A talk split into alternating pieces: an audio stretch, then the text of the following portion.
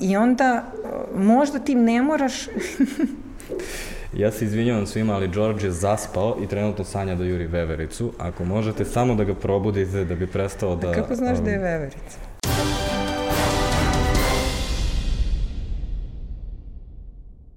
Dobrodošli nazad u Žiška podcast. Danas pričamo o korporativnoj kulturi. Iako možda ne zvuči tako, korporativna kultura je verovatno najviše zaslužna za zadovoljstvo poslom gde god da radite. Danas pričamo sa Tamarom Dimitrijević, koja je moj bivši debatni mentor, a takođe i e, mentor i coach e, mnogih ljudi u mnogim organizacijama, od velikih korporacija do malih firmi. A, poslušajte i siguran sam da ćete danas saznati nešto novo. Kao i uvek, pratite nas ovde na YouTube-u, na Google podcastu, RSS feedu, iTunesu ili gde god da već slušate podcaste. Izuzev Spotify to ne radi. Ajde da pričamo prvo o psihološkoj bezbednosti. Šta to znači? Ajde, ajde da pričamo o psihološkoj sigurnosti. Pa sad ovako, uh, tu počelo je na dva mesta u isto vreme. Jedno je Google, koji kao što verovatno svi znaju ulože jako mnogo da istražuje sam sebe i da vidi šta kod njih radi, šta ne radi i onda te dobre prakse prosto ono, objavljuje javno. A drugi su neki američki univerziteti i oni su u stvari radili istraživanje šta pravi razliku između timova koji rade super i timova koji ne rade super. A i u jednim i drugima imaš vrhunske ljude, vrhunske stručnjake i zašto, na primjer, ja u jednom timu radim super, a ista ja u drugom timu ne radim super. Znači, to im je bila onako polazna osnova i krenuli su istraživanje i imali su razne pretpostavke, to ne znam, evo, management stila, ovo, ne znam, nija. Feng shui. Na primer, na primer.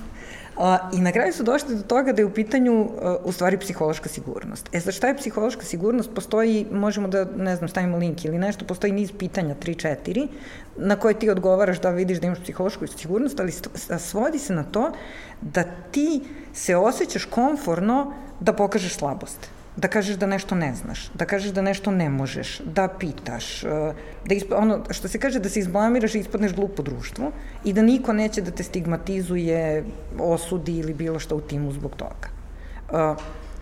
E, e sad, kako da kažem, e, psihološka sigurnost se gradi, naravno, I ljudi se strašno iznenade, pošto očekuju, naročito menadžeri, kad im daš ta 3-4 pitanja, oni očekuju da to kako kod mene u timu pa kako, pa mi feedback, pa svi smeju sve da kažu ovo, ne, da daš zaposlenim anonimno da popune, kada on ispadne nije baš tako, ne smeju baš svi uvek sve da kažu, ne osjećaju se svi baš e, komotno, plaše se malo šta će da kažu kolegi i tako dalje i tako dalje.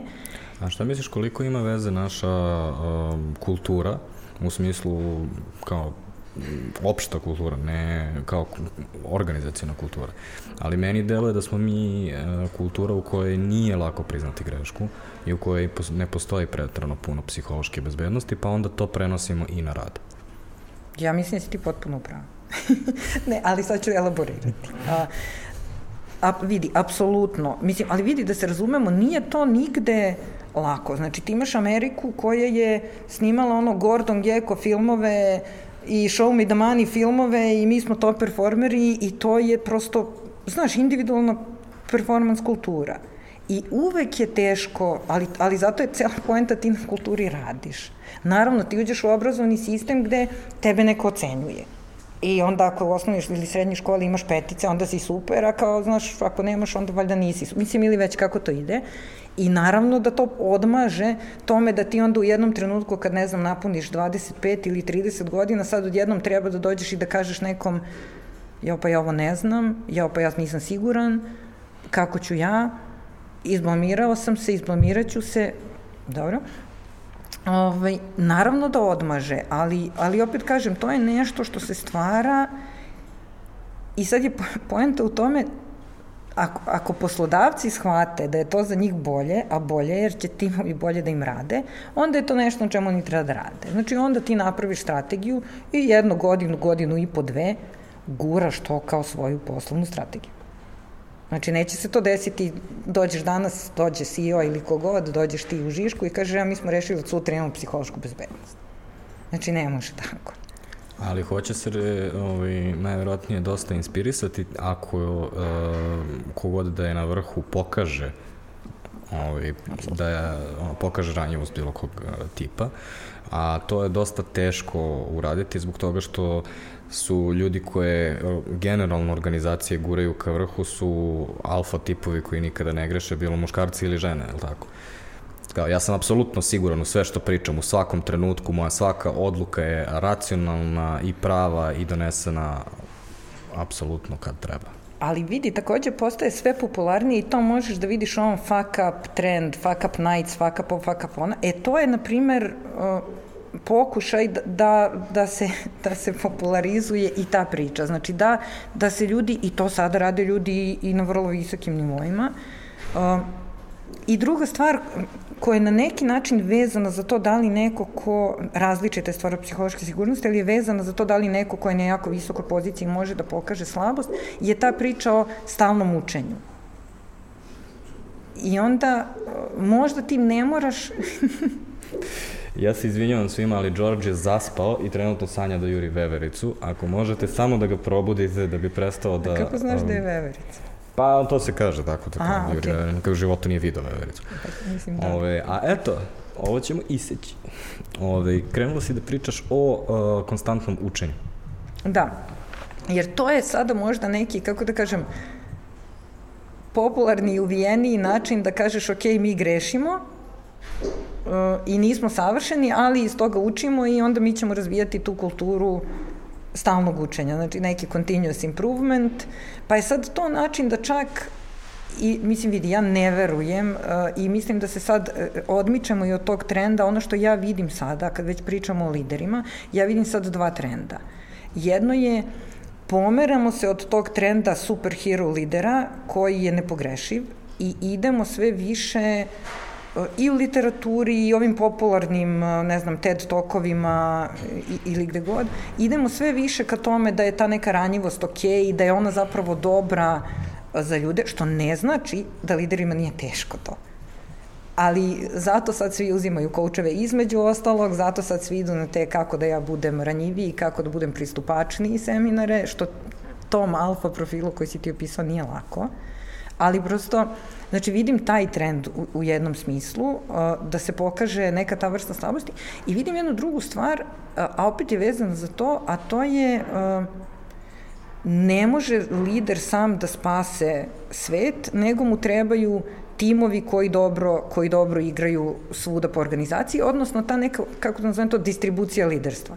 Da ti imaš različite lidere za različite teme u organizaciji, ako imaš možda jednog tog nekog ko Ali to je recimo čest problem GM-ova, što mm. oni obično dolaze iz veoma kompetitivnih odeljenja tipa prodaje i on je ubijao prodaju i duplirao prodaju u svom regionu i spasio firmu i tako dalje i za to je bio pogodan onaj veoma cutthroat pristup, a onda dođeš do toga da si CEO i da u suštini ništa nije tvoja odgovornost, zato što ako kreneš da se baviš bilo čim konkretnim, ono, ući ćeš u mikromanagement, ali tvoja odgovornost je da neki različiti lideri koji su takođe svi veoma uključeni, veoma aktivni, veoma kompetitivni, međusobno sarađuju na, na neki dobar način. Uh mhm. -huh. I sad, Ono što je tu zanimljivo je pogledaj ovako. Znači ti imaš neku ko je ekspert za neku oblast. Ne znam, to dobar programer, dobar inženjer, dobar copywriter kod vas. A, I onda u nekom trenutku on bude tu dovoljno dugo ili stekne dovoljno iskustva i ti ga unaprediš da postane menadžer. I sad šta radimo s tim? Neki ljudi se snađu sami, neki ljudi traže podršku, neki ljudi se ne snađu uopšte. To je za njih potpuno novo i nešto na čemu oni moraju da rade i sami sa sobom i organizacije da investiraju u njih. Isto to je i ovde slučaj. Znači, ne postoji to je, to je kako da kažem, kao, to je cognitive bias, da ti pretpostaviš da neko ko je jako dobar u jednom poslu će automatski kad mu dodeliš neko potpuno drugo zaduženje i suštinski ga izbaciš iz zone komfora, da bude jako dobar u tome. Uh, I u tom smislu ja razumem da, ok, u kompetitivnim sredinama ljudi koji imaju rezultate naravno će odskočiti i to će ih kvalifikovati za napredovanje, ali to ne znači da oni treba prestanu da rade e, na sebi i da se od njih ne traži nešto drugo. I zato i pričamo o psihološkoj sigurnosti, odnosno o, o tim kao learning organizations, zato što uh, ti u tom trenutku kad dođeš recimo na, na taj nivo, na tu odgovornost da možeš da donosiš odluku kakva će biti tvoja organizacija, odnosno da utičeš zaista značajno na kulturu, onda je na tebi da ti vidiš kako ćeš ti takav kompetitivan da pomogneš da u toj, u toj kulturi nastane psihološka sigurnost, što uopšte nije lako. A e, druga stvar koja ti je zadatak, rekla si, je da obezbediš uključivanje u odluke. Tako je. A, e, i to je isto super zanimljiv primer, zato što je to isto nekako kontra ovo tradicionalnoj percepciji, ja menadžer, ja znam, ja spustiti vama zadatke. A, vidi, uključivanje u odluke i uopšte bilo koja vrsta autonomije i odgovornosti ljudima donosi da se osjećaju bolje. Jel? A, a pošto ja mnogo volim to, ja, ja tvrdim da ljudi mogu zapravo se osjećaju dobro na poslu i meni je to ideja da ako možemo napravimo što više poslova gde će ljudi da se osjećaju dobro. A, I sad mogu da dam i neki primer, znači evo, evo ajde da kažemo da, da recimo u, u vaš tim ovde vi hoćete da uvedete neki novi alat za bilo šta, za komunikaciju, za praćenje zadataka, za šta god, ok? I sad ti tom zadatku imaš nekoliko pristupa. Jedan pristup je da sedneš ti ili da sedne za Miloš i da vi malo pogledate te alate, izaberete jedan i kažete, e, ljudi, evo mi smo rešili, od sutra vam uvodimo ovo. A drugi pristup je da vi kažete, ok, ljudi, provalili smo, treba nam novi alat za komunikaciju, je li ima neko neki predlog? Nema niko nikakav predlog, to je isto fajn. Ajde da vidimo, recimo, postoje ova tri na tržištu, ajde uzmite dve nedelje, mesec dana, istražite malo, poigrajte se, probajte, pa ćemo da sednemo, da vidimo koji nam je najbolji i taj ćemo da izaberemo. Ti bi rekla, znači, kao, aha, to su dva pristupa. Da li je ovo treći pristup sad? Ovi, um, recimo, daću ti primjer našeg testa za praksu. -huh. Ovi, taj test za praksu smo napisali kada smo, znači, godin dana pošto smo osnovali firmu, smo raspisali prvu praksu. A, na serveru trenutno postoji minimum 20 verzija tog testa kao, um, mislim da je ovaj, kao, da, da li je treći pristup ta vrsta ono, otvorenosti za evoluciju istog, odnosno nikad gotovo, a, sad ima, a, postoji, ne znam ni kako bih to rekao, ne, ovaj, ali postoji mnogo, mnogo naziva za taj koncept, always in beta, ovaj, always one point ovo 2.0 i tako dalje. Svi ga zovu malo drugačije, ali koncept je u stvari isti. Kao, nikad ništa nije gotovo. I recimo, ovaj, možda je najpopularniji način kako to ovaj, ljudi gledaju trenutno je a, sajtovi, ovaj, pošto sajtovi su nekad bili onako rešenje koje se isporuči, a sada je sajt onako živa stvar na kojoj treba konstantno da radiš, jel? Da, e pa to je ova priča sada o learning organization. Mislim, mm -hmm. to, je, to je u suštini taj neki pristup e, menadžmentu i uopšte pristup organizacijnoj kulturi, gde upravo to nije, ti ne podrazumevaš nikad da je neki posao završen za uvek. Uh, iz mnogo, mnogo razloga. Znači, vi sad napravimo upravo to. Izaberemo mi, na primjer, evo iz ovog, iz, iz ovog hipotetički priča od malo pre, vi izaberete neki tool. I on vam služi narednih šest meseci ili godinu dana. Ali onda se nešto promeni, ne znam, mnogo vam naraste broj zaposlenih ili treba vam nešto što se integriše sa nečim drugim, taj tool vam više ne igra, znači ajmo sad. Opet isti ciklus. Uh, I poenta je u tome da, da ti prihvatiš uh, da se stalno, da se stalno prilagođavaš. E sad, uh, samo da se vratim korak unazad. Znači, pričali smo o tome da je psihološka sigurnost nešto što je ovako pokazano kao dobra stvar na kojoj postavljaš kulturu i koju uvodiš u kulturu. Pričali smo o tome da je uključivanje ljudi takođe dobra stvar kada postavljaš kulturu.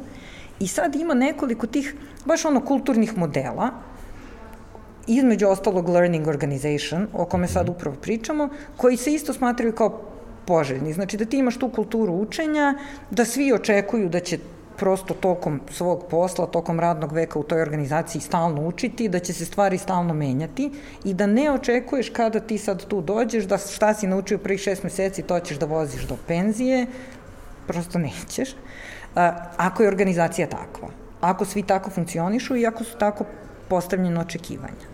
E sad, ne znam da li hoćeš da sad ulazimo još malo u te modele kao da, različitih znači, koji kultura. Su drugi, da. da. Vidi, sad ti imaš Isto ono čemu se puno priča je feedback kultura. Mm -hmm. ovde, samo da napravimo razliku, ovde je samo važno na šta organizacija stavlja fokus. Znači, na primjer, ti odlučiš, ok, nama će sad fokus da bude learning organizacija i mi ćemo to da, da stavimo da nam bude važno i na tome ćemo da radimo. Neko drugi će da kaže, ok, nama će fokus da bude feedback i mi hoćemo da napravimo feedback kulturu. I sad tu opet je zanimljivo, to su različite vrste feedbacka. Uh, jedno je ono što mi tradicionalno smatramo kao sad ću ja da sednem s nekim i on će da mi da feedback kako ja radim, gde bi mogao se napravim i tako dalje. I to je neki feedback koji se odnosi na tvoj performance, ali ovde mi ne pričamo uh, samo o tom feedbacku, nego feedback i na procese, kako mi radimo, stvari koje radimo i feedback na nešto što su naši proizvodi. Dakle, vi, na primer, isporučite nešto klijentu i onda sednete i kažete, ok, ajde vidimo sad, napravimo malu retrospektivu, kako smo mi to radili, znači feedback na taj proces rada, ajmo da napravimo feedback na sam proizvod. Šta je moglo bolje, šta bi moglo bolje i, i na taj način ti stvari gradiš feedback kulturu gde se prosto podrazumeva i potpuno je prirodno da vi na neki način malo prispitujete sve te tri stvari. Znači, šta je neki moj konkretni doprinos i šta bi ja lično mogla bolje i šta je u našem procesu ok, a šta bi moglo bolje i šta je na kraju kraja u ovom proizvodu koji smo isporučili ok, a šta bi moglo bolje. A, mislim da ovo stvara ogromnu konfuziju i uh, promašila si jedan, ja bih rekao. Ove, ovaj, uh, promašila si distinkciju između, uh, mi smo napravili tu, jako insistiramo na toj razlici, između evaluacije, što je, ti si rekla, moj doprinos. Mm -hmm. To je, znači, tvoj performans u nekoj, nekim firmama imaš svoj KPI, imaš da. sit down onako posle šest meseci, da. to je evaluacija. Feedback je slušaj, ništa ti ne valja ovaj, ovaj blog post, a ja pišemo to nekako bolje. To je, me, to je feedback kao razlika. Ali mi, ovo što si uvela sada, još kao dve dodatne, ovaj, to jeste ovaj, veoma, bitno. I mislim da ljudi gube, uh, gube te dve dodatne dimenzije feedbacka ovaj, iz vida često, zato što kad kažemo feedback, obično se misli na interpersonalnu stvar. Međutim, uh, imamo opet kulturalni problem, a on počinje između ostalog sa time što mi nemamo i dalje dobar prevod za feedback, zar ne? Povratne informacije. Pa šta da ti kažem, Zato ja pola govorim pritom, engleski bez prestanka. ali pritom on nije, to, to mislim da i nije tačan, pošto ni informacija ne znam da li je kao naša reč, ali uve povratna sprega je u stvari ono što ovaj, je originalno značenje, a sprega je dosta bitna zbog toga što znači da imaš uticaj, kao informacija može da egzistira u međuprostoru, a ovaj, sprega ima konkretan ovaj, uticaj na dalji sistem. E sad, ovaj, um, kao kako da, ka, kako da onda, ne znam, odvojeno radiš na svime time, znači ti si rekla sad kao, ja sam feedback organizacija, mm -hmm. tako? Identifikovali smo tri ili četiri vrste mm -hmm. feedbacka na kojima treba da radim. Ok, i šta sad? Ovaj, ispredajem ljudima da postoje te četiri i kažem, vidi, ovo treba se dešava češće ili šta? Pa ne, ajde prvo ovako, prvo vidimo gde smo sad s tim. Znači, mm -hmm. možda nešto od toga mi već imamo, a ni ne znamo. Možda I opet, e sad to je jako važno. Mnogo zavisi kakva vam je već postojeća kultura organizacije. Znaš, uh, u nekim organizacijama to je potrebno da se uvodi na neki dosta strukturirani formalan način. Dakle, naročito u većim i koje već imaju tako hijerarhije i razrađene kanale komunikacije, onda ćeš ti to, da ne znam, prvo da najavljuješ, pa ćeš prvo trenirati menadžere, pa ćeš onda ove, pa ćeš ti tu napraviti čitav proces, framework i tako dalje i tako dalje. Ali negde gde prosto nije toliko formalno, onda ti sedneš ljudima, kažeš evo ovo mi to, ajde da probamo, evo šta nam je prvi, šta sad radimo, ajmo to da probamo. Evo šta smo poslednji isporučili klijentu, ajde da probamo. Znaš, i onda kreneš i i gledaš kako ti to ide, kako se ljudima sviđa, ne sviđa. Jer vidi, feedback kultura znači da i ti možeš, možeš da primiš feedback. Znači da ljudi kažu, joj, ja nemam pojma, meni ovo sad što smo radili ovu vežbu iz feedbacka, ja ništa, ništa mi to nije bilo korisno. Pa ti onda malo pitaš a šta bi ti hteo, a šta bi tebi značilo, pa da vidimo šta ćemo sledeći put da, da, da unapredimo. Uh, jer to je ideja, ideja je da ti prosto stvoriš neko okruženje u kome je to normalno, da ti kažeš ovo što si sad rekao, ja ovo ti ništa ne valja, i da svima to bude potpuno normalno. I da oni mogu da kažu, e, vidi gore na ovaj proces, ništa ti to ne valja, kako ti to zamislim. Uh, I u tom smislu ti onda napravi stvarno feedback kulturu, da svi imaju mogućnost i pravo da komentarišu sve Na neki, naravno, konstruktivan način, ne sad baš samo ono Da, mi, ovaj, taj deo sa konstruktivan način je jako bitan. Da. Ovaj, mi smo imali, um, kao kada smo postavljali tu kulturu feedbacka kod nas, um, ovaj, morali smo da objašnjavamo da jedan od problema agencijskog posla je što često se dešavaju trenuci kada je uh, fizički osjećaj cajtnota je ono prisutan. Ove, I to je recimo trenutak kada ovde umesto nas sedi uh, ovaj, influencer ili influencerka ili model ili neko ko je jako nervozan, koji žuri, kojem je probijen rok, tu je klijent ove, i trenutno se ove, ono, pokušava da se snimi kao finalni kadar i sad u tom trenutku ako neko dođe i kaže Ama nešto vam ovo svetlo nije najbolje. Ajde zaustavite vi da, znaš, u tom trenutku taj feedback, koliko god bio tačan, ne može da bude interpretiran ovaj, kako valja. Ali mislim da je generalno tačno da um, ovaj, ljudi imaju jedan performans inače, a onda imaju malo drugačiji performans u trenucima kada imaju povećan obim posla, povećan stres i da u tim trenucima ako pokušaš da daš feedback i intervenišeš da će ljudi da se baš zatvore prema feedbacku. E, ali upravo vidi, to je ono što je jako važno. Mi ako pričamo o feedback kulturi, to znači da pričamo i o tome. Znači, nije svaki trenutak dobar trenutak da damo feedback. Znaš, nije, recimo, dođe neko neispavan ili nervozan ili s nekim privatnim problemom na posao i ti vidiš da mu nije dan, e, baš tad je, znaš, baš tad ću da mu dam feedback, pa nećeš. Mislim, prosto, u tom smislu, naravno, ima situacija kada je operativno nešto završavamo, rok nam je za 15 minuta, to nije trenutak za feedback.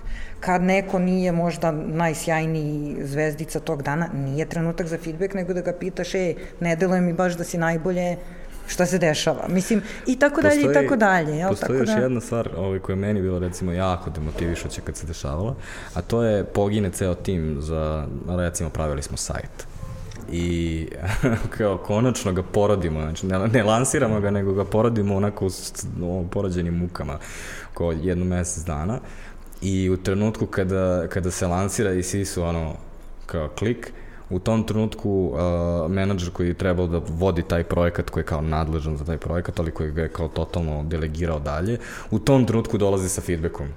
Kao, kako smo mogli da dozvolimo da i bukvalno vidiš ceo tim, to je ono, isisavanje ogromne količine motivacije i energije iz celog tima. Pa vidi, ja ne znam što da ti kažem, osim da mi je žao što si imao to iskustvo. A, ne, vidi, znači, evo ovako, ako treba recept, znači moj recept bi bio sledeći. Završiš posao koji je mukotrpan i težak ponekad, staraš se da dok se taj posao radi, koliko je moguće ljudi ne, bu, ne budu u agoniji. Kad se posao završi, prvo proslaviš onda pustiš malu pauzu da ljudi odmore, e onda analiziraš. Da postoji čak i institucija koja se zove pomalo nesrećno, mislim da, da je većina organizacija nažalost naziva postmortem, je li tako? O, ka, da kako to je, to je apsolutno grozno ime, da to dolazi iz IT-a, da ali no, što je neko, mislim, fora je u tome što smo mi pokušavali da mu nađemo neko lepše ime, ali nekako ovo je, e, kao i sva ružna imena, ima, veoma je jasno šta je. Da, da.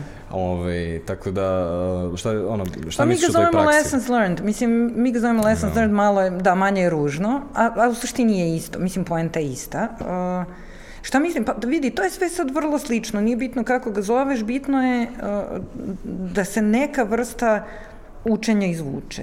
Uh, mm kakva god, da li će to biti kroz neki feedback, kroz neku internu radionicu koju ćete da, da, da organizujete, kroz neki sastanak, opet, to zavisi od kulture, od strukture organizacije, od veličine tima i tako dalje i tako dalje. Ono što je apsolutno najvažnije je da cilj tog sastanka ne bude da se uh, otkrije ko je kriv za nešto što nije prošlo dobro. Znači, ok da pričamo o stvarima koje nisu prošle dobre, nema projekta gde je sve savršeno od početka do kraja, ne, nešto će se desiti nepredviđeno, nešto će se zaboraviti, nešto će ispasti malo manje kvalitetno nego što smo u početku zamišljali iz milion razloga, I ok je da se o tome priča, i ok je da se vidi gde je to procesno zaškripalo ili gde nedostaje možda znanje u organizaciji ili nekom kome je neki zadatak data, on prosto je, na primjer, previše junior za taj zadatak, ali to nije njegova greška, nego je greška ono komu je dao taj zadatak.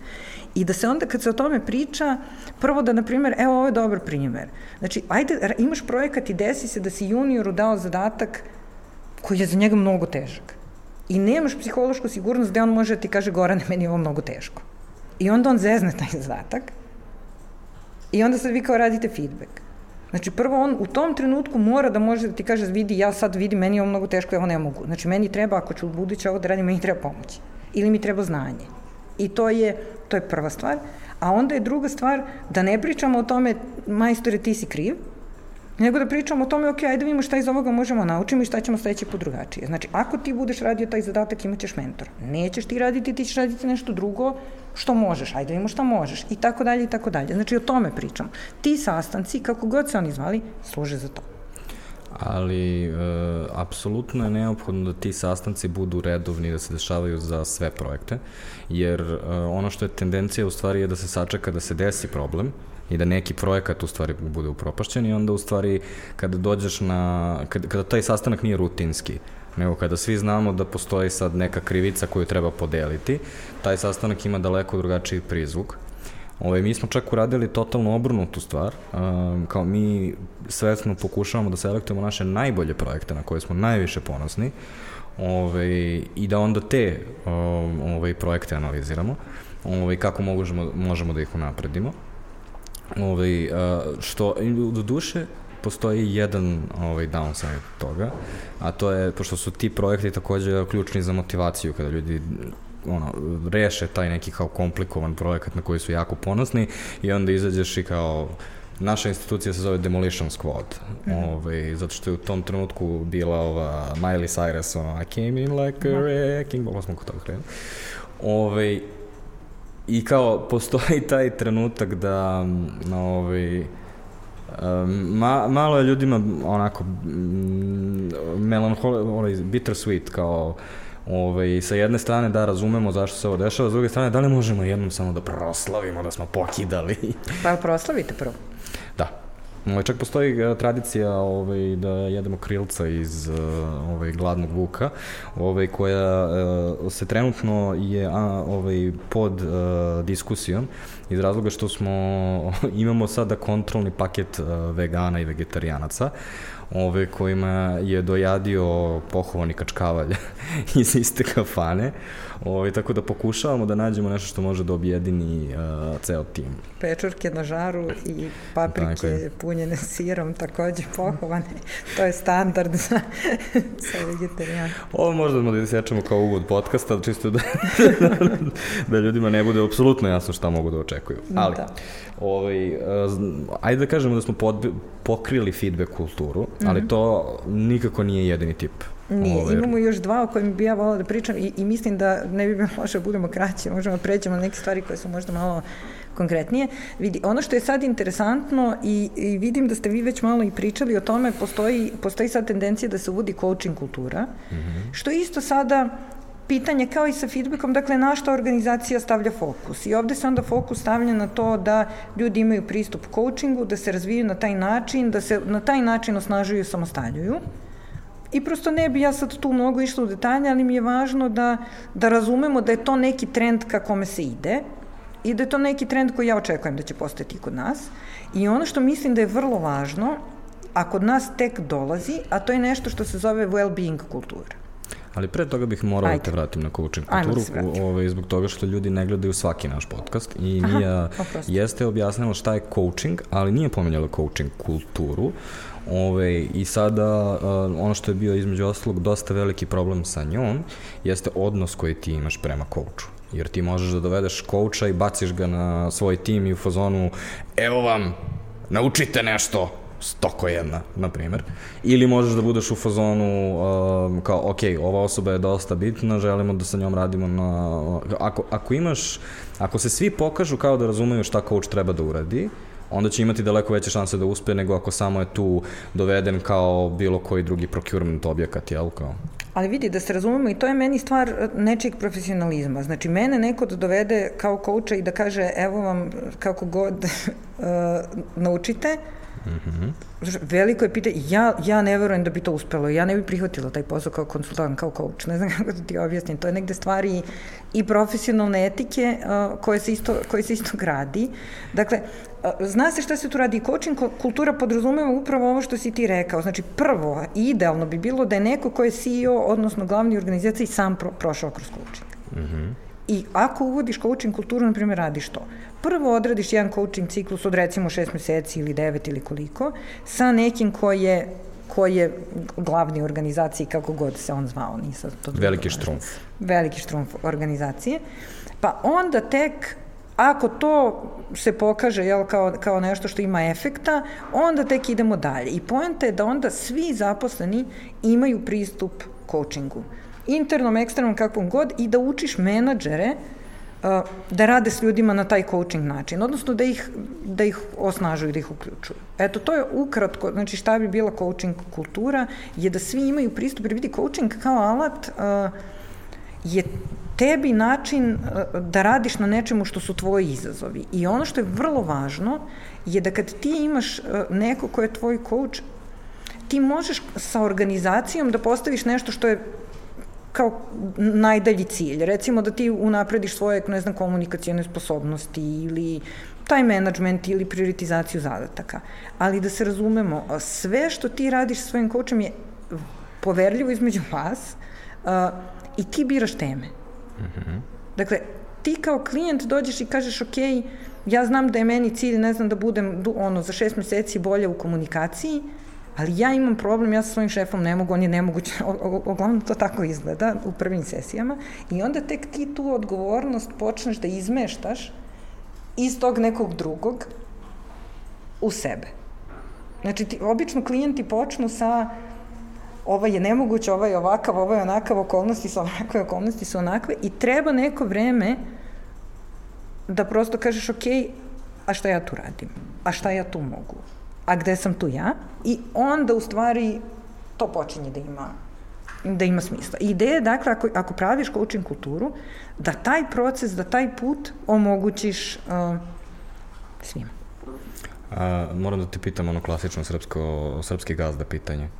Jel to treba da bude unutar organizacije ili treba da bude konsultant s polja? Šta je bolje? A, bolje je u početku konsultant s polja.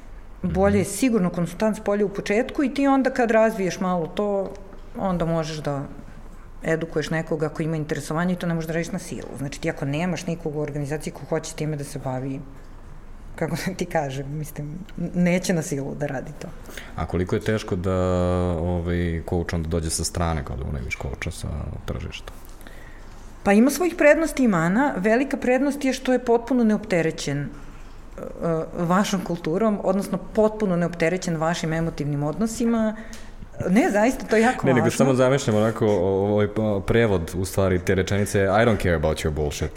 pa, ne, ne, da, ali ne, zato što to takođe vidi, ti ako radiš, na primjer, sa više ljudi, ti ćeš čuti potpuno nekad oprečne priče o istim stvarima i tebi nije tvoj posao da ti tu utvrđuješ šta je istina niti postoji na taj način istina. Znači, potpuno je moguće da jedan isti događaj ima tri različite perspektive ili dve i da su obe tačne. Za te ljude su one obe tačne.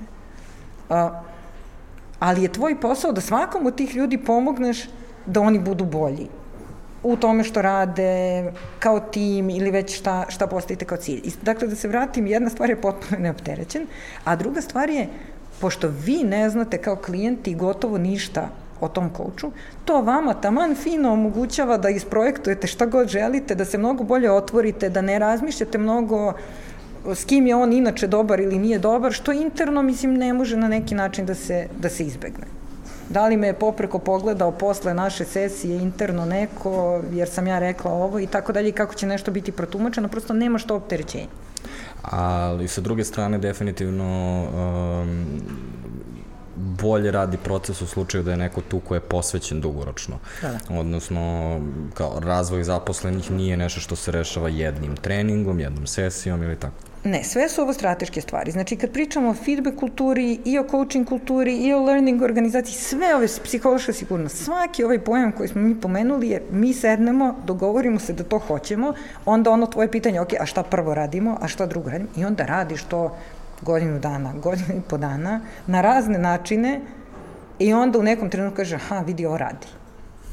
Znači ništa nema, nema preko noći, pa nema. Niste ni vi agenciju napravili za dva dana i izbacili fenomenalno prvi proizvod za dva, možda jeste, ne znam, verovatno, ne znam. Ove, um, ali sad, pošto treba da radim na nečemu godinu dana, malo me ove, oboli glava, pa mi treba malo well-beinga, jel? Da, Da. E, to je treća vrsta e, organizacije. E, vidi, to je sad super zato što je to stvarno sada potpuno novo i za divno čudo da nešto što je krenulo pre korone, a sad kako je korona će tek da, ono, da, biće, biće sve popularnije. Dakle, vidi, uh, opet sad vraća nas na početak, a to je šta u stvari je kapitalizmu važno. Dakle, u nekom trenutku su stres i burnout i odsustva s posla i bolovanja počela da postaju ozbiljna tema za ekonomije. I sad, ja ne znam, naravno te podatke na, na pameti sve može se nađe na internetu, prosto ljudi su procenili da su stresni poslovi organizacije koje ne vode računa o svojim zaposlenima loše same za sebe jer same sebi prave trošak. Znači, tebi ljudi češće odlaze na bolovanje, češće burnoutuju, manje su produktivni, šire ti hejt po organizaciji, pa onda imaš problem jer ti ono utiču i na ostatak tima i na produktivnost generalno i to je prosto loše. I to je išlo čak uh, vrlo zanimljivo, te statistike dotle da je u nekom trenutku uh, Svetska zdravstvena organizacija izašla i rekla, ok, mi mislimo da workplace budućnosti treba da bude nešto što se zove health promoting workplace. Znači, bukvalno onda to Svetska zdravstvena organizacija dođe i kaže, ok, ljudi, ako hoćemo da ove ekonomije imaju smisla, mi moramo da počnemo da se bavimo zdravljem ljudi na našim radnim mestima opet iz ekonomskih razloga, mada ja tvrdim i zato što valjda ti je lepše da su ljudi oko tebe zdravi. Mislim, meni lično je lepše. Tebi možda, tebi možda, tebi možda. e, ali slušaj, sad samo da ti ispričam, e, ovaj, ti kaži ako misliš da ovo nije toliko, toliko ne, relevantno, ja obožavam ovu temu, meni je ovo fenomenalno. A, I sad mi smo tu negde, kako da kažem, još uvek u u početku. Znači, to se kod nas sad uglavnom vidi tako što daš ljudima, ne znam, fit pass ili, ili već to i, i, i ne znam, naravno sad e, ima ponegde i privatno zdravstveno osiguranje i to su neki načini gde ti pokazuješ da brineš o zdravlju ljudi, ali ideja generalno kod health promoting workplace, odnosno kod tog kao well-being kulture, je da ti mnogo aktivnije pričaš o tome, mnogo više promovišeš zdravlje i ono što je još uvek tabu tema, to je mentalno zdravlje. Uh, jer mi dalje od to, ja sam pod stresom i mislim da sam u burnoutu, nismo odmakli i još uvek su te teme tabu teme i ide se u stvari ka tome da na neki način ti počneš da pružaš podršku ljudima, pa makar za početak i anonimno, da im daš pristup nekim helpline-ima. Ja znam da neke organizacije, uglavnom međunarodne veće, imaju, na primjer, 24-7 otvoren helpline za psihološku podršku za sve svoje zaposlene. Recimo, mislim to je samo jedan primer i to su sada još uvek mali koraci, u Americi je to više nego kod nas, ali to je nešto što ja vidim naročito sada kako je bila korona i, i kako je to jako, ja mislim, uticalo i na fizičko i na mentalno zdravlje ljudi, da će prosto, ja vidim da je to tema koja ulazi u fokus što se tiče kulture. Um, Volao bih da čujem šta ti misliš kako je, ne samo COVID, nego COVID, pandemija, izolacija, rad od kuće uticalo zaista na radno mesto. Upa, ja bi bila baš bog kad bi mogla tačno da odgovorim na to, ali... ali... Ne moraš da odgovoriš tačno, to je lepota podcasta, možeš da, da odgovoriš samo šta ti misliš. Zato što mislim da je većina mišljenja koje, koje je izašlo do sada u javnosti je uh, dosta ispolirana i uh, takođe dosta... Um, um, dosta se bazira samo na identifikovanju različitih problema. Mm -hmm. I daću ti jedan primjer koji si malo preiskoristila. Recimo, uh, moj utisak lični je da smo svi mapiranje, mapirali da je neophodno da se bavimo mentalnim zdravljem u trenutku kad smo ušli u izolaciju. -hmm. I onda smo izašli i svi pričali o tome mentalno zdravlje jako bitno, onda smo se potapšali po leđima kako smo konačno krenuli da se bavimo mentalnim zdravljem. Ali se ništa u stvari nije zaista ovaj, desilo i promenilo i nismo zaista krenuli da se bavimo time i imam osjećaj da kada je ovaj, kao izolacija i kada, ovaj, slučajevi kada su ovaj, bili u najvećem piku ovaj, negde krajem prošle godine, da smo svi bili um, resetovani mnogo više nego što smo ikada mislili da ćemo biti. A daću ti konkretan primer koji možda nije uh, vezan samo za mentalno zdravlje, ali opet jeste recimo proizveo, ono, par ljudi je bilo na granici sagorevanja zbog toga. Recimo mi se veoma glupo, nismo setili a, da je svo naše planiranje u stvari uslovljeno time koliko zdravih ljudi imamo u timu i u trenutak u trećem piku kada nam je dvoje, troje ljudi javilo da sam jednostavno neće doći na posao zato što su se zarazili taj vikend i kao jedan od simptoma je da imaš ogromne padove energije i ne možeš da radiš, čak ni od kuće, nije problem ni to. I kao trenutak kada smo shvatili da su nam određeni timovi nestali, pošto smo imali klijente na kojima nismo imali timove ili kao bili smo desetkovani, je trenutak kada cel, ono, cela ta priča koju smo pričali kao osvestili da treba da se pozabavimo time i onda smo bili u fazonu niste se pozabavili ono najosnovnijom stvari. Dobro, evo ovako, sad, ajmo jedan korak nazad. Vrlo važno, jedna od stvari za well-being organizaciju uh, bi podrazumevala da kad su ljudi bolesni ne očekuješ od njih da rade. Znači, sve i da su, kako da kažem, da oni mogu, mislim, ja sa temperaturom često mogu da radim, ali ne treba. ne treba da radim ako sam bolesna, treba da otvorim bolovanje i da budem kod kuće i da ležim i da ozdravim. A ne onda da radim pa da vučem tu bolest šest meseci i da onda dugoročno svima bude lošije i meni i organizaciji. Uh, ali da se vratimo korak nazad, kako ja mislim da je, da je uticalo. Vidi, ja mislim da je uticalo strašno. Mislim da je sve strašno ispolirano u smislu, čak postoji sada taj neki pokušaj e, da se pokaže da, da, da je ova, e, ova izolacija i ovaj online način rada kao i nije tako loš. I ja sam tek skoro videla na nekoliko mesta da su ljudi otvoreno rekli ok, postoje stvari koje online prosto ne mogu da se rade. I ne mogu da se rade dovoljno dobro i ne funkcionišu. I prvo mi je drago da smo počeli to da pričamo. Jer e, prvi narativ je neki bio ok, niko nije bio pripremljen na ovo, mi nemamo pojma šta ćemo. Onda je drugi neki narativ bio, aha, evo mi smo se ekspresno digitalizovali hvala koroni i sad sve fercera ovako, ovako i mi u stvari sve možemo da radimo online. I sad konačno mi se čini da ponovo dolazimo do toga, ok, vidi, ne možemo sve da radimo online, ne možemo sve dovoljno kvalitetno da radimo online, ajde sada da vidimo. Uh, I ja iskreno mislim, što se tiče posla, da bi najzdravije bilo da posle napraviš neki hibridni model kada to bude moglo, pa da tu daš fleksibilnost ljudima, ali da opet neki deo, neki deo, jer to je važno isto, mnogo je važno i za mentalno zdravlje ljudi da imaju nešto što je redovan kontakt uh, sa, sa kolegama, sa drugim ljudima.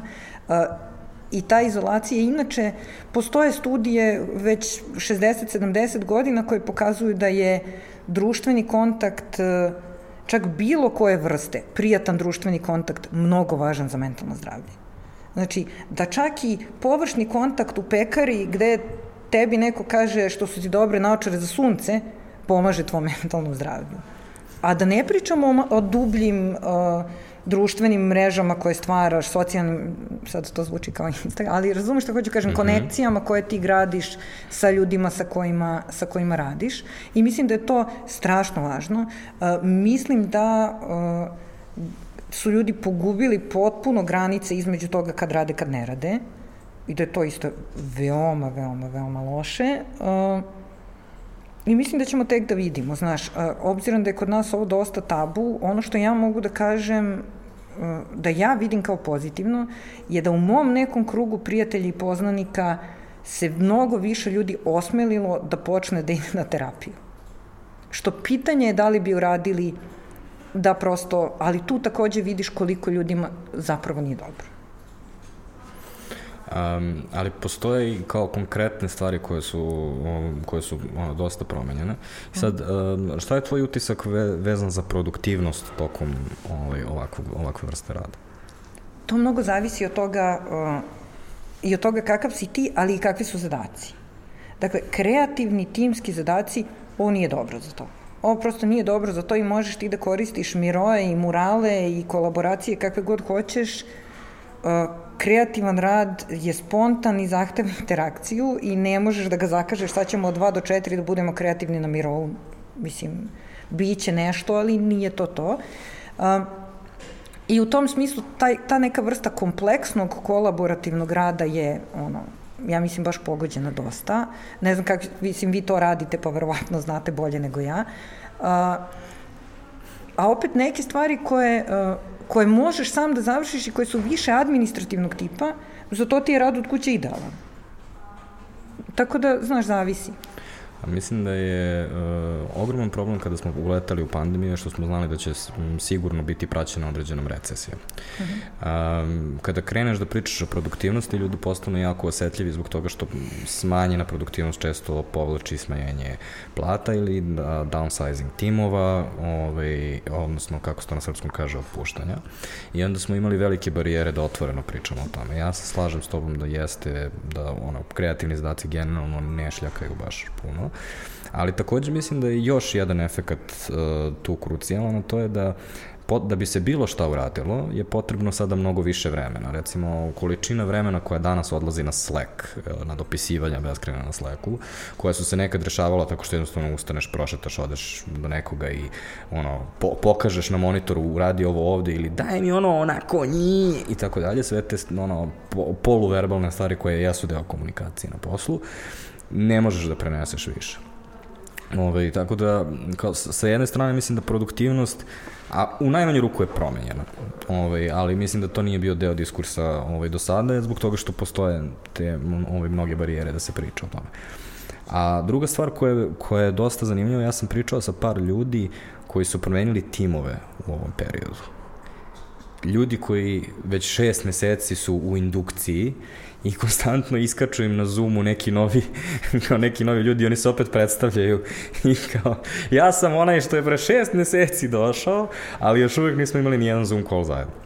To je odlična tema, samo ja opet da se vratim jedan korak napred, što, nazad, što se tiče produktivnosti vidi, uh, i to je opet stvar organizacijone kulture. Znači, one kulture koje su imale dosta dobru i čvrstu komunikacijonu strukturu, u smislu, i, na primjer, tu, tu je Scrum dosta dobar primer, uh, kao metodologija. Dakle, on podrazumeva da ti, na primjer, kao tim svako jutro imaš sastanke.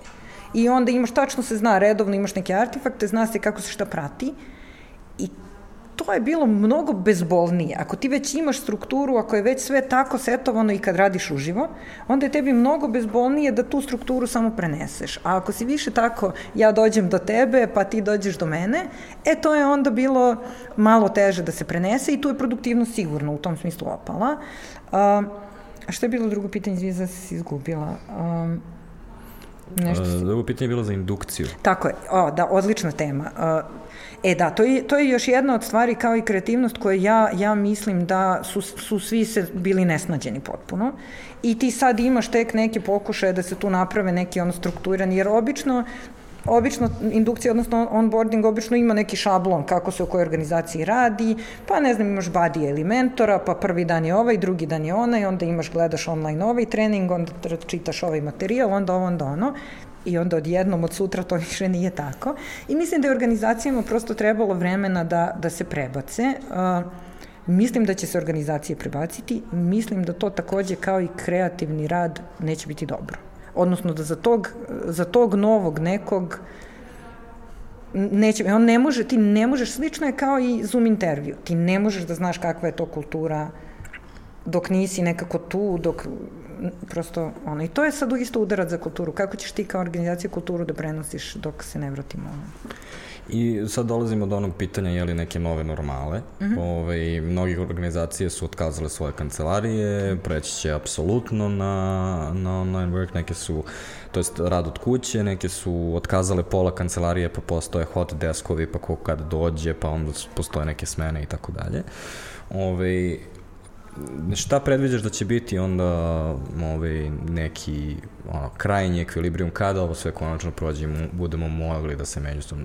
A, takođe, to se neće desiti ni u aprilu, ni u julu i pitanje je da li će se desiti i 2022. da dođe do totalne te nove normale, ali kada bude jednog dana ovaj došlo, kako misliš da će izgledati? Vidi kod nas, ja mislim neki hibridni model. Jer ti znaš, e, te organizacije o kojima ti pričaš su uglavnom velike američke digitalne IT kompanije. Uh, I to je malo drugačija priča nego kod nas i tu ti kad uradiš neku finansijsku analizu, bottom line, bottom line ti pokaže ovaj, da možda ti se više isplati stvarno da zatvoriš kancelariju. A opet kažem, to su često organizacije koje već imaju te sisteme komunikacije, jer su već podrazumevale i ranije remote work, i možda za njih to nije, nije u tom smislu toliki onoga organizacijono-kulturni šok. A, mislim da kod nas to neće nužno ići baš u tom smeru.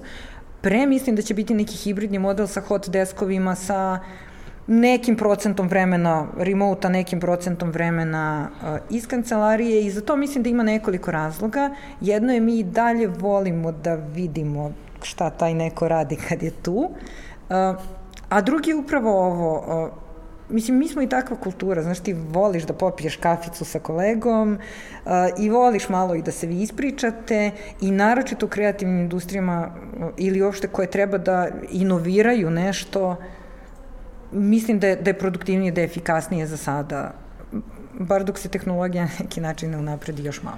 Ja bih se možda samo ovaj, na kraju osvrnuo opet na to ovaj, koliko je bitno, bitan ono, ljudski kontakt, ne samo za timski rad, nego i za individualni ovaj, za individualno mentalno zdravlje. Mi recimo imamo čak i najveći mizantropi kod nas, ovaj, živnu kada ono, dođe malo veći broj ljudi u kancelariju, ovaj, pošto kao, jedno vreme smo bili praktično ekskluzivno, smo bili svi od kuće, u vreme to na, na najvećeg uh, talasa, ovaj, i kao sad kad smo, kao jedan dan nas je bilo recimo u ovoj kancelariji koja inače može stajne, znači 25 ljudi, bilo nas je sedmoro, što je bilo kao dosta veliki broj ljudi. I taj dan ovaj kolega koji je kao i, i ono veoma se brendira kao mizantrop, je podigao glavu i bio... Nisi ti. ne, da ne, ve, nećeš verovati, ali ima, ima i daleko gorih, je uh, rekao, Bože, baš mi je drago što su, do, što, je došlo, što su došli toliko ljudi u kancelariju. onda smo ga naravno ubili od zezanja, ali dobro. Uh, ok, re, pokrili smo znači onda neke tipove kultura, ove, ovaj, i šta je onda zaključak, koja je najbolja? E da, to je sad isto super pitanje. E, ajmo sad ovako. Ajde prvo da, da krenemo, to pitanje u stvari glasi koja je najbolja za mene. Ako pričamo o, o meni kao nekom zaposlenom u nekoj organizaciji, odnosno već smo pokrili šta bi bilo najbolje za, na primjer, tebe kao poslodavca, znači koje ti neke mehanizme možeš da uvedeš, ali šta je najbolje za mene kao kandidata, odnosno budućeg kolegu, je drugo pitanje. I tu ja sad treba da vidim šta mene, šta mene zanima. A, evo, ajde ovako, da pronto da postavimo ovako. Kako ja vidim, recimo, Žišku i kako meni s polja izgleda vaša kultura, okej. Meni to izgleda ovako. Vi mnogo delite uh, znanja uh, i vidim da se trudite da delite i način na koji radite stvari koje su vam posao, ali i neke druge stvari, tipa ovo što si ti delio za ne znam kako da, da se napravi CV i tako gomilu stvari. I ja onda tu neku kao podelu znanja i neku vrstu transparentnosti kapiram kao nešto što su neke vaše vrednosti i što vi živite i da je to neka takva kultura.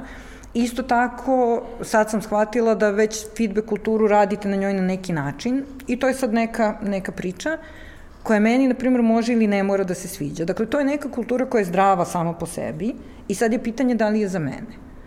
Nekim ljudima će biti super što kada dođu ovde, od njih se očekuje mislim, očekuje se u okruženju su gde pored svog nekog redovnog posla, a to je da naprave neku kampanju ili da napiše neki kopi ili već što god, da pored toga treba eventualno i nešto tako kreativno da, da doprinesu široj zajednici, da podele neko svoje znanje ili iskustvo. Za nekog to nije. Neko, neko doživljava da je posao nešto gde ti dođeš, odradiš to što treba, pokidaš to i onda iš kući. A za nekog to jeste, ta kultura, to okruženje, jer se on baš loži da radi te stvari. Loži se da pored od svog posla i deli nešto dalje sa zajednicom. I u tom smislu, ne znam da to pomaže da skapiraš kao da li je neka kultura za mene.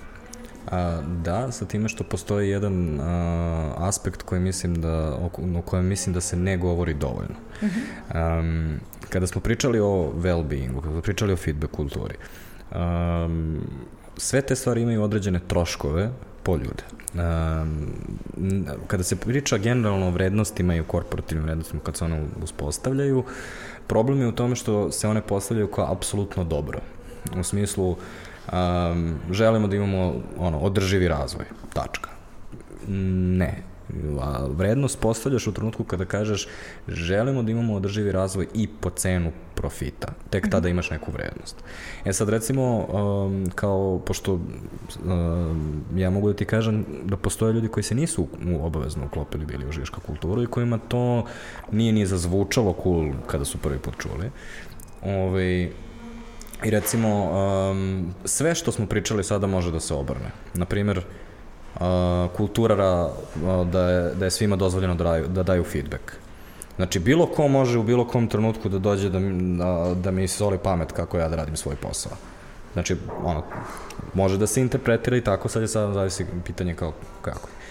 Um, recimo, jedna stvar sa deljenjem tog znanja jeste problem što znanja ima jako puno. Ove, ovaj, Daću ti konkretan primer.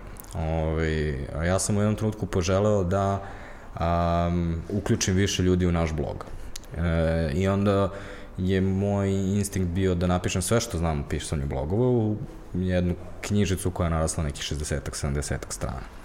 I onda je jedna koleginica koja piše jako puno blogova pored mene je rekla, ko će živ da čita 70 strana da bi napisao jedan blog, jesi ti normalno? I sad, pitanje je kao kako ono, ovo je samo početak priče, znači posle toga naravno da nije ni bilo, nije bilo poenta gađaću te knjigom i ti ćeš napisati blog, ali pitanje je kao mi ćemo potrošiti dosta vremena da ljudi pročitaju to, da onda imamo neke radionice, da onda radimo na feedbacku za svaki blog i da se onda ti blogovi objave. To sve ima cenu, u smislu kao veoma konkretnu i cenu vremena svih tih ljudi, ali takođe nekad ima i cenu psihološku u smislu joj, ne mogu nešto da ne učim danas, kao, možda samo da radimo i kao da me ostaviš na miru, na primjer. Ali kao, postoji određena težina koju ti prihvataš. Jer ljudi su uvek spremni da kažu da, da, ja želim da se razvijam, to je meni uh, ono, prioritet broj jedan. Ali onda su, onda su nekad, ono, ako su iskreni prema sebi, Nekad želim da se razvijam, a nekad bih baš poželao da me ostavite na miru.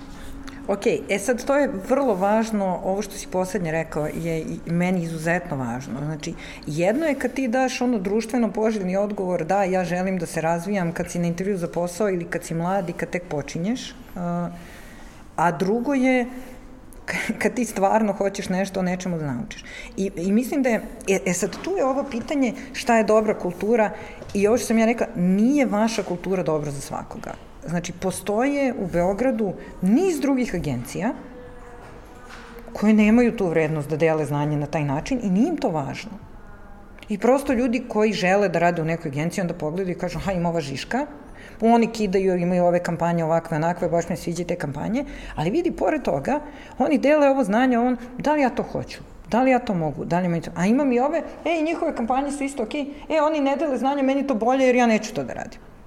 A, samo, mislim, samo kao primer, e, i ono što je vrlo važno za te neke stvari, da, one oduzimaju vreme, ali pre, pretpostavka sa tim malo otvorenim kulturama je prvo da ti ljude ne teraš da to rade, mislim nije to poenta, nego da oni rade te stvari zato što žele i to je ona priča kad mi pričamo da li neko kao fituje u kulturu ili ne fituje.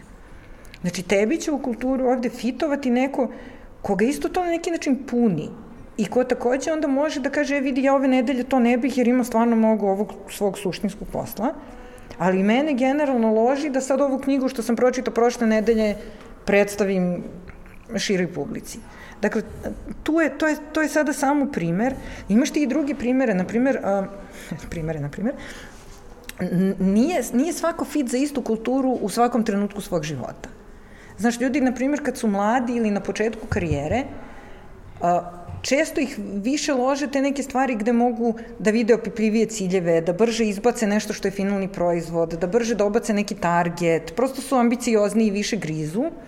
I možda će se onda radije uklopiti u takvu neku vrstu kulture, a možda posle im postane nešto drugo važno, tipa to, da to neko znanje koje su već stekli podele i da na taj način, uh, na, na taj način nešto doprinesu. Tako da i to je negde važno, zato, zato smo i pričali ono na početku kad ti gledaš gde bi da radiš. Da prvo vidiš, ok, sa sobom, šta je meni važno, šta ja mogu da ponudim, šta ne želim da ponudim, vidi, ovo je isto tako vrlo, to moram da kažem, vrlo je nezahvalno pričati u Srbiji, mi smo malo tržište i uprko s nekim suprotnim tvrdnjama relativno siromašna zemlja. I ljudi često nemaju toliko zapravo izbora gde će da rade.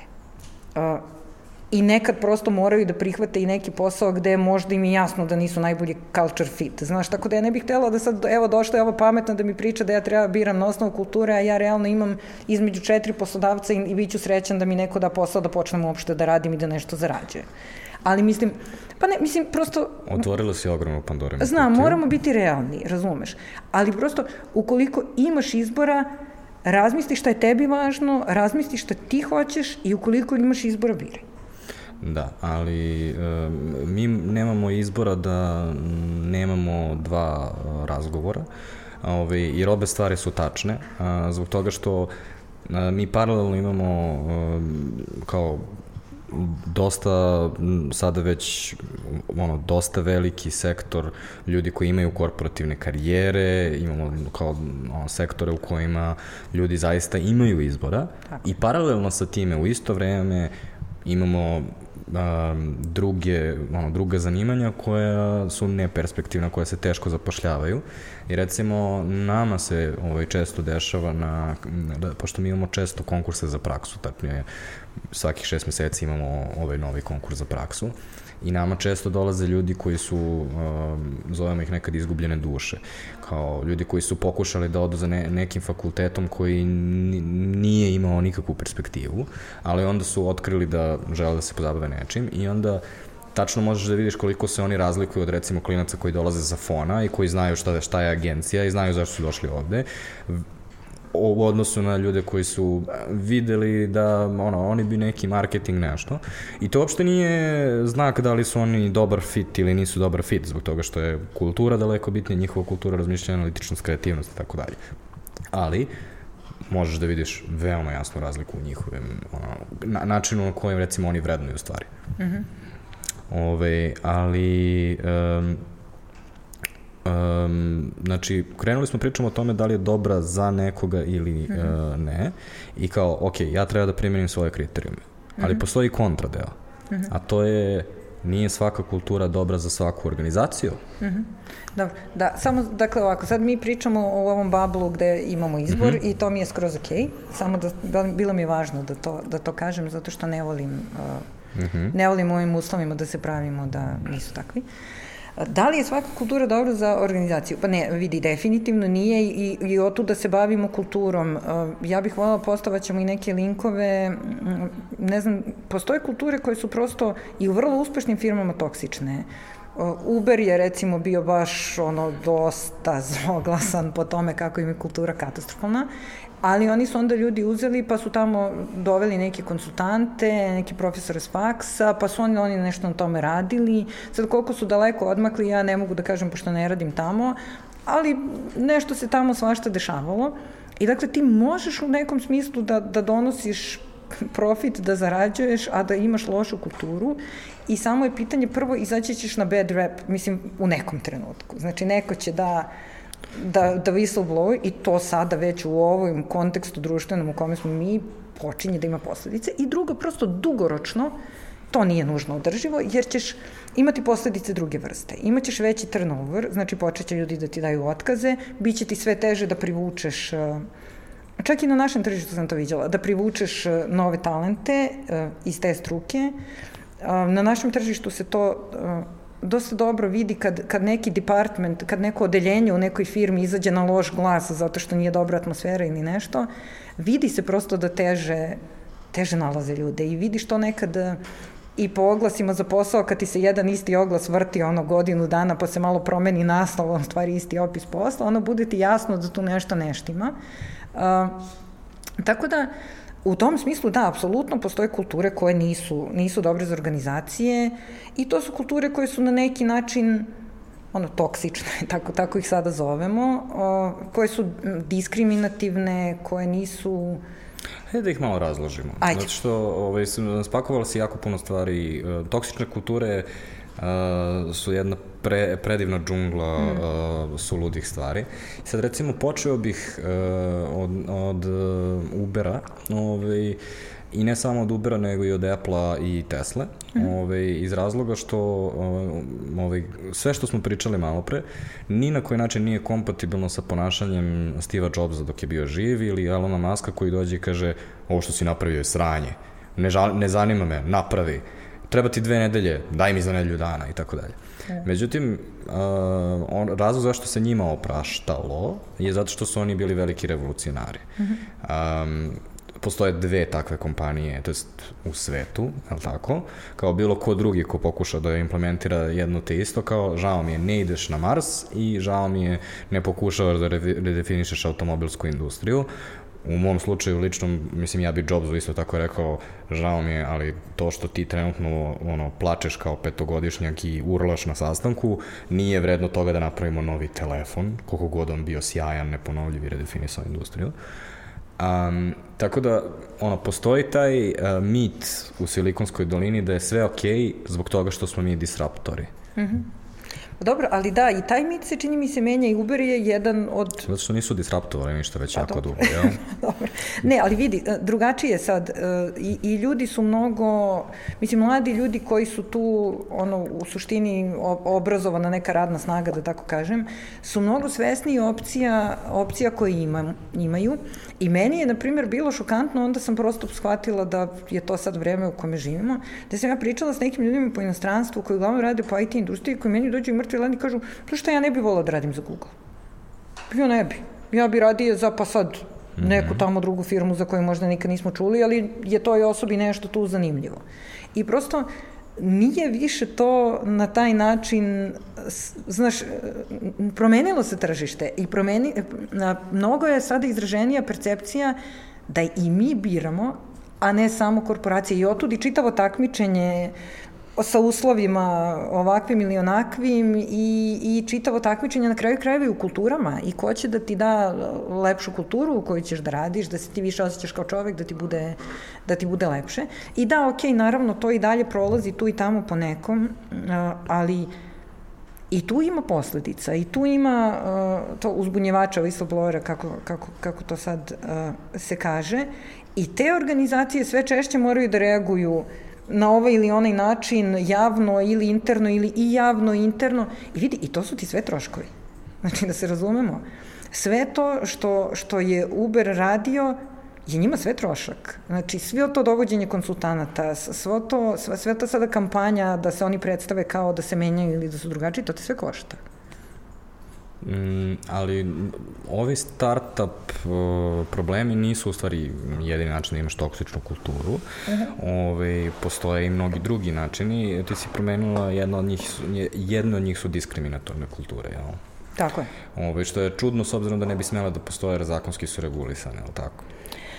Pa da, vidi, ali zakonski je regulisano nešto što je tu, kako da kažem, Mislim, minimum. Pa upravo, upravo, neki minimum koji ti treba da ispoštuješ, dakle sad smo valjda došli na nivo da kad dođe žena na intervju da ti ne pitaš kolika vam je porodica, da li planirate porodicu i kakve su vam reproduktivni planovi. Ja, ja se nadam da smo ipak sada tu negde dostigli taj civilizacijski nivo da to više ne radimo, ali to ne znači da i dalje ti imaš organizacije u kome su dopuštena neka ponašanja mislim, mi, znam, mi, mi vidimo nas da su dopuštena ponašanja, da ti uh, ne promovišeš žene iako zaslužuju i to je najbenigniji uh, primer. Uh, da konzistentno žene imaju manje plate od muškaraca i taj gender pay gap je veliki problem i to je problem i šire kulture i ne samo kod nas, zato što žene traže manje novca, manje su spremne da pregovaraju i tako dalje i tako dalje. To su sve nekakvi načini diskriminacije, ali imaš te koji su baš, i oni su negde stvar kulture, jer ti isto tako možeš da sedneš i da kažeš ok, aj sad da vidimo kako ćemo ovim da se pozabavimo I ubacit ću sad nešto, e, skoro sam videla e, jedna firma u Hrvatskoj koja je IT firma je išla na tu sad radical transparency priču. -hmm. Oni su napravili sistematizaciju unutar organizacije po senioritetu i sve svoje troškove su učinili interno javnim. Znači sve. Svi znaju kakva je svačija plata, koliko para ide na kafu, koliko para ide na održavanje kola i tako dalje i tako dalje. To je izuzetno organizacijona hrabra odluka i teška. Ali sa time da bih ipak zadržao, ako, ako je primer koji sam ja video, a video sam njihovu lestvicu mm -hmm. um, platnih razreda, ti platni razredi su ipak m, dosta široki, u smislu postoji između tih platnih razreda dosta, dosta lufta da ono, postoji razlika između jednog programera i drugog programera na istom platnom razredu. Ne, ne, okej, okay, okej, okay, vidi, neću ja da kažem da je to savršeno, ali, ali hoću da kažem da je to, na primjer, jedan način da ti mm -hmm. Po, po, prosto tom transparentnošću onda pokažeš, jer oni da bi to uradili, oni su prvo išli na to da izjednače malo plate u okviru iste kategorije. I ti ako se opredeliš za to, onda to znači da recimo svesno smanjuješ gender pay gap ako si ga imao. Znači da svesno podiže ženama plate, pošto nećeš smanjivati, ja, jer će onda ljudi ti odu, podiže ženama plate da bi bile na istom nivou sa kolegama koji, koji kao muškarci rade isti posao. Recimo, to je samo jedan primjer, sad mi je pao na pamet. Ali ima mnogo drugih, mnogo implicitnijih načina diskriminacije. Samo mislim da je dosta bitno da ovaj, nismo sigurni da li je to kod njih bio slučaj, u smislu moja, pret, moja pretpostavka je da kao ako su toliko otvorena organizacija da, da možda nisu imali taj problem. Ili ti znaš da su jesu imali? Ne, oni, oni su napisali da su imali. A. Znači, ono što sam ja pročitala je da su oni rešili da uvedu tu sistematizaciju, da naprave transparentnost i da bi to mogli da urade da su prvo prosto počistili po svojoj kući, mislim, ono, mm -hmm. i da su mhm. se dobro spremili jer su znali da će to uticati na kulturu i da će otvoriti mnoga pitanja u organizaciji. Znači, zašto je ovo ovoliko, zašto ja sam na ovom nivou, a ne na onom, kako ja da dođem na ovaj, i tako dalje, i tako dalje ali ti to onda daje tu neku vrstu, mogu da kažem i radikalne transparentnosti, gde onda sve svima jasno i svi odjednom postaju uključeni i sve postaje, kako da kažem, mislim, svačiji posao na neki način, znači tebi je jasno šta ti treba da radiš da bi napredovao, kolika će ti biti plata kada napreduješ i tako, mislim ima i drugih načina da se to postigne, ali ovo je zanimljivo jer mi je svež primer i nije američki, nego je regionalni kod nas je. Mm -hmm. Interesantno, ovaj, uh, mislim, ako su, da su imali to, toliko svest da su kao m, odlučili da se pozabave nečemu, ono, uh, mislim da postoji pretpostavka ljudi da disk, diskriminacija se rađa samo iz namere, a oni očigledno nisu imali nameru, nego su kao pokušali da na neki način adresiraju nešto što je evoluiralo samo od sebe u njihovoj organizaciji. Vidi, ja mislim da nažalost u nekim ovim ono bro kulturama ljudi pola vremena nisu ni, ni svesni da, da diskriminišu. Znaš, mislim, da, da budemo potpuno otvoreni, ja sam bivala na sastancima gde neka koleginica koja je deo organizacije, recimo, odlazi na trudničko i gde neko ko je menadžer nekog tima kaže ja opet nam ja, razumeš, mislim, to, to je kak, mislim, on ne, kap, ne kapira čovek. kako ti objasnim, to je tako, tako naviklo, tako odraslo, tako vaspitano. I ti imaš tu vrstu diskriminacije uh, koja nije sa namerom, on ne, neće čovjek nekog da povredi, ali prosto to je, to je tako jače od njega.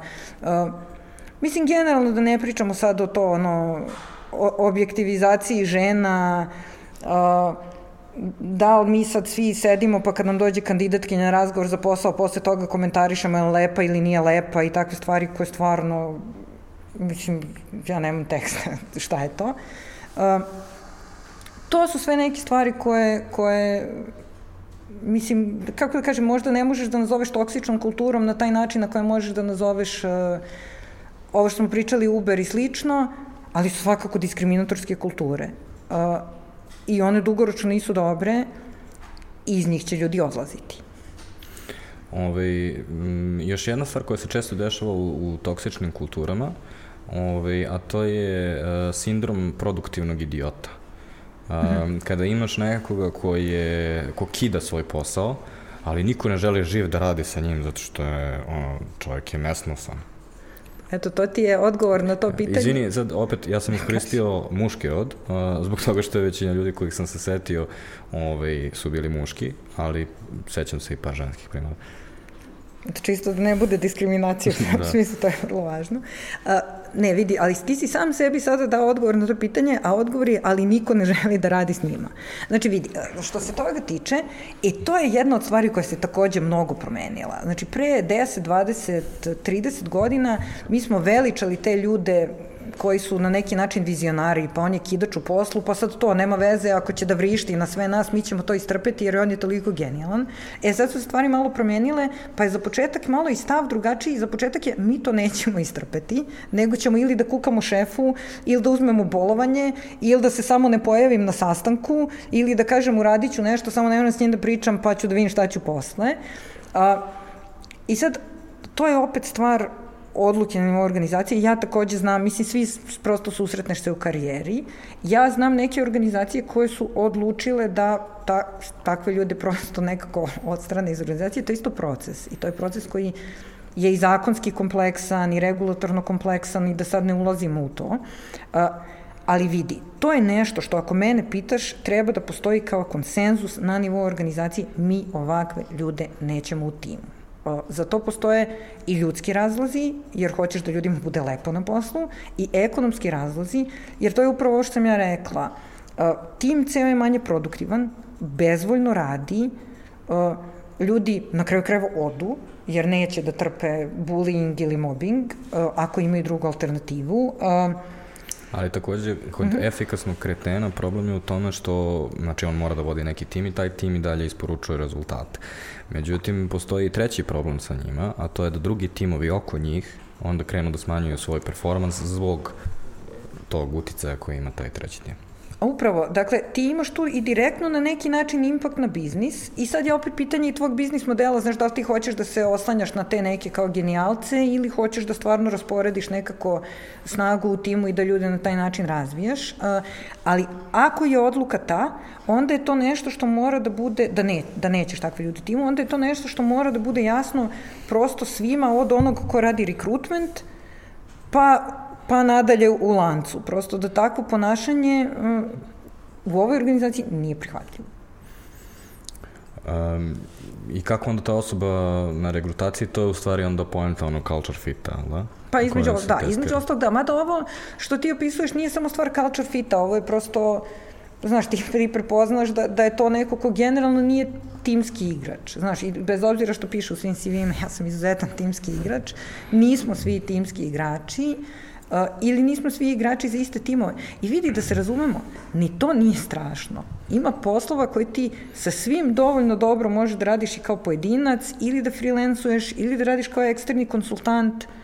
I to je na nekom nivou ok, ali onda treba prosto svi to da, da osvestimo i da vidimo na koji način ta osoba može ono i sebi da doprinese i nekoj organizaciji ili organizacijama kao neko ko prosto ne mora nužno da bude deo tima. Mislim, i to je čak opcija, ali kažem, ja mislim da je to za kulturu, za timove prosto loša odluka da ti nekog tog trpiš jer je on kao super top performer.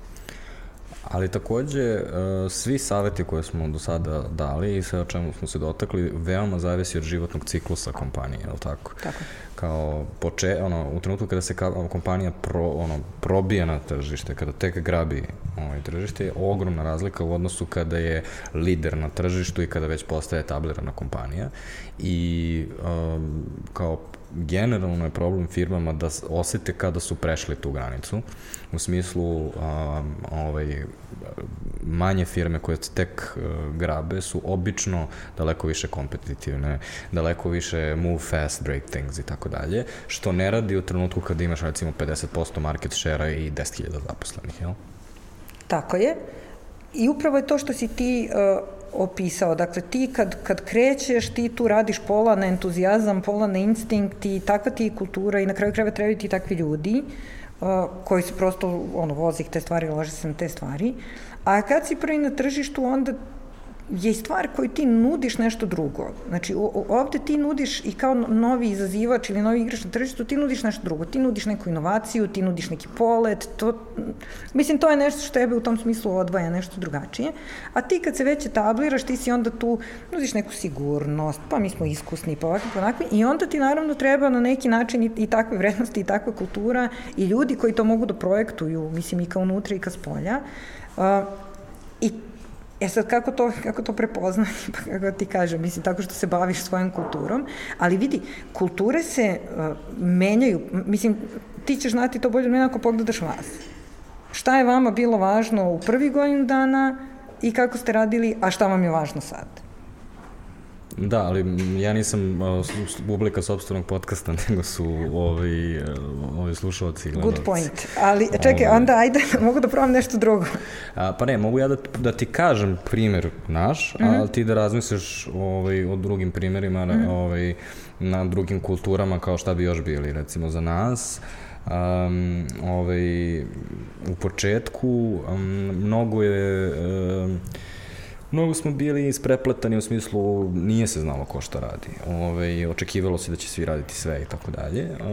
Ove, sada smo, pokušavamo trenutno da uđemo u neki period kada svi imaju mogućnost da rade sve u slučaju da to žele zbog toga što ih multidisciplinaran posao motiviše, mm -hmm. ali takođe su te stvari koje preuzimaš dosta definisane da ne bi, jer se te sive zone kojima se dešavaju nerazumevanja se dosta nagomilavaju na timu od 25 ljudi u odnosu na timom koji stoji za jednom jednom kružnim stolom i svi se međusobno gledaju i kad ovaj pored tebe kine ti znaš da mu je hladno, a tek kad mu se nešto dešava na projektu i lupa se po čelu. Tako da, eto, to je recimo ono, jedna od stvari koja je dosta doprinala, koja se dosta promenila kada nam je tim narasla. Mm -hmm. um, kultura uh, komunikacije je nešto na čemu smo takođe morali dosta da radimo. Kultura zvanične komunikacije, u smislu, opet, um, ono, kad nas je bilo Miloš je identifikovao par tih ono baš ključnih skokova. Recimo uh, skok sa 8 na 12 nije skok od 50%, to je skok između dve organizacije.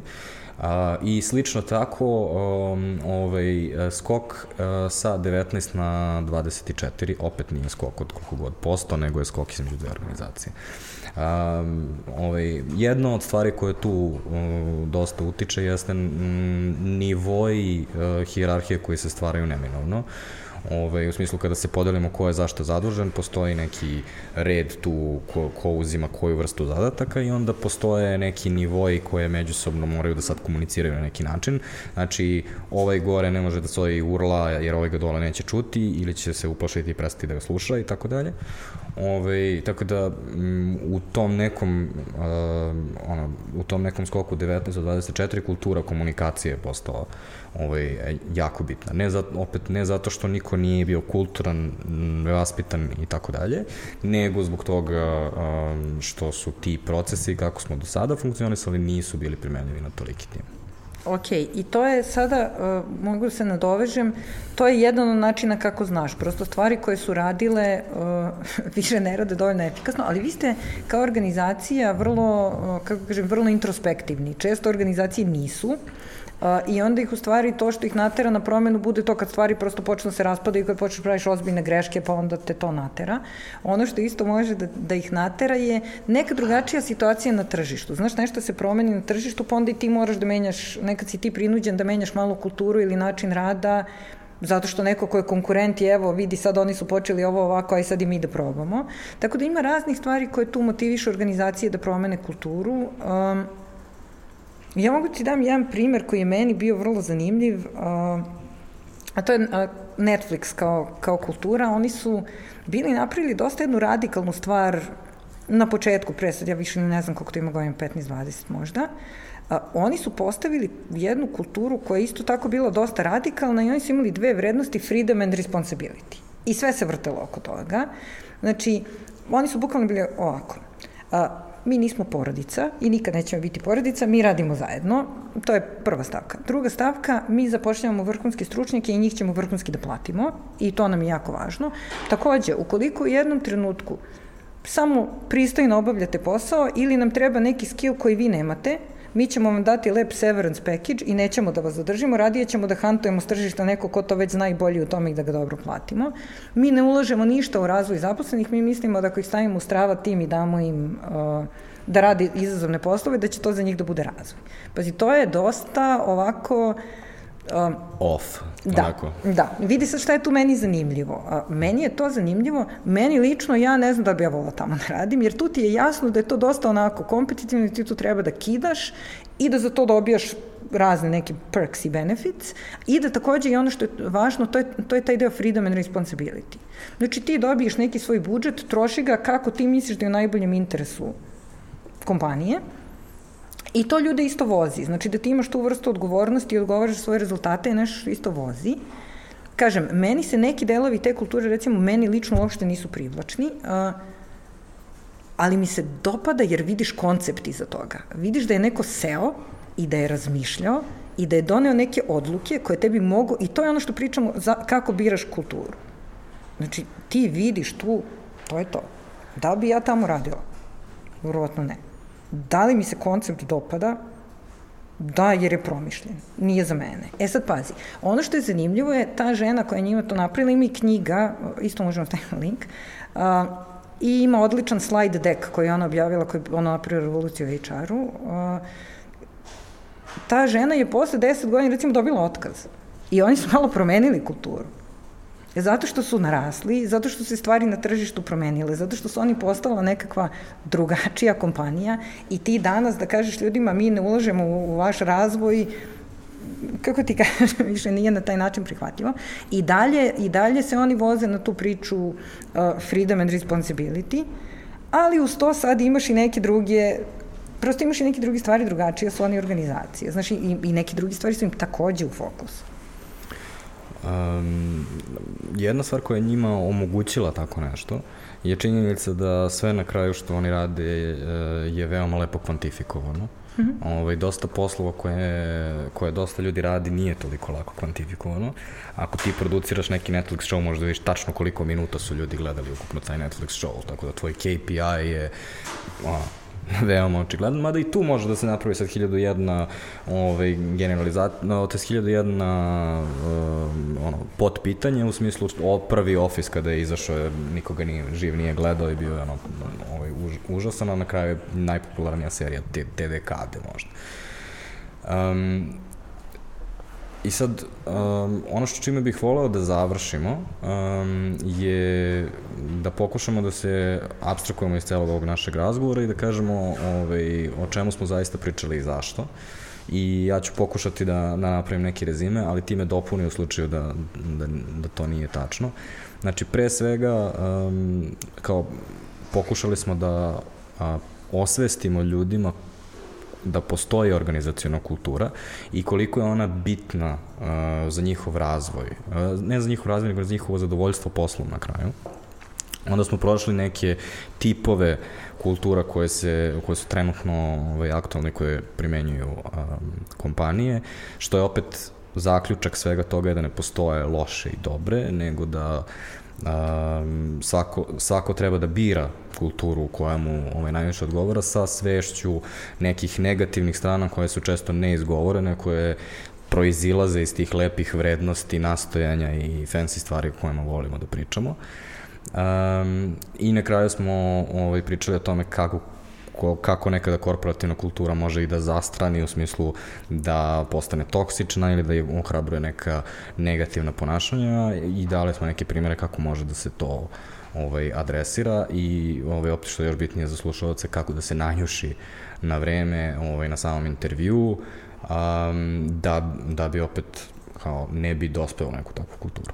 Znači, sumirao si fenomenalno. Ja nemam što mogu da dodam, osim I to mislim da je jako važno. Ako krenete da se bavite kulturom i sobom u toj kulturi i ako prepoznate da nešto nije okej, okay, pričajte s ljudima, recite šta nije okej, okay, to je jako teško, ali prosto postoje mehanizmi i, i pravni mehanizmi, a postoje i javnost i sad već ta vrsta uh, uzbunjivanja, odnosno ukazivanja na toksičnu kulturu, na mobbing, čak i kod nas počinje da ima počinje da ima neki odjek. I mislim da je važno tu da ljudi shvate da se ovo tiče i njih, a ne samo za, ono, neka organizacija želi da izvuče iz mene još više, pa kao sad će oni da mi uvedu feedback ili neće. Nego ajde da vidimo kako meni da bude lepše tamo gde radim i kako da pomognem drugima da njima ne bude loše tamo gde rade.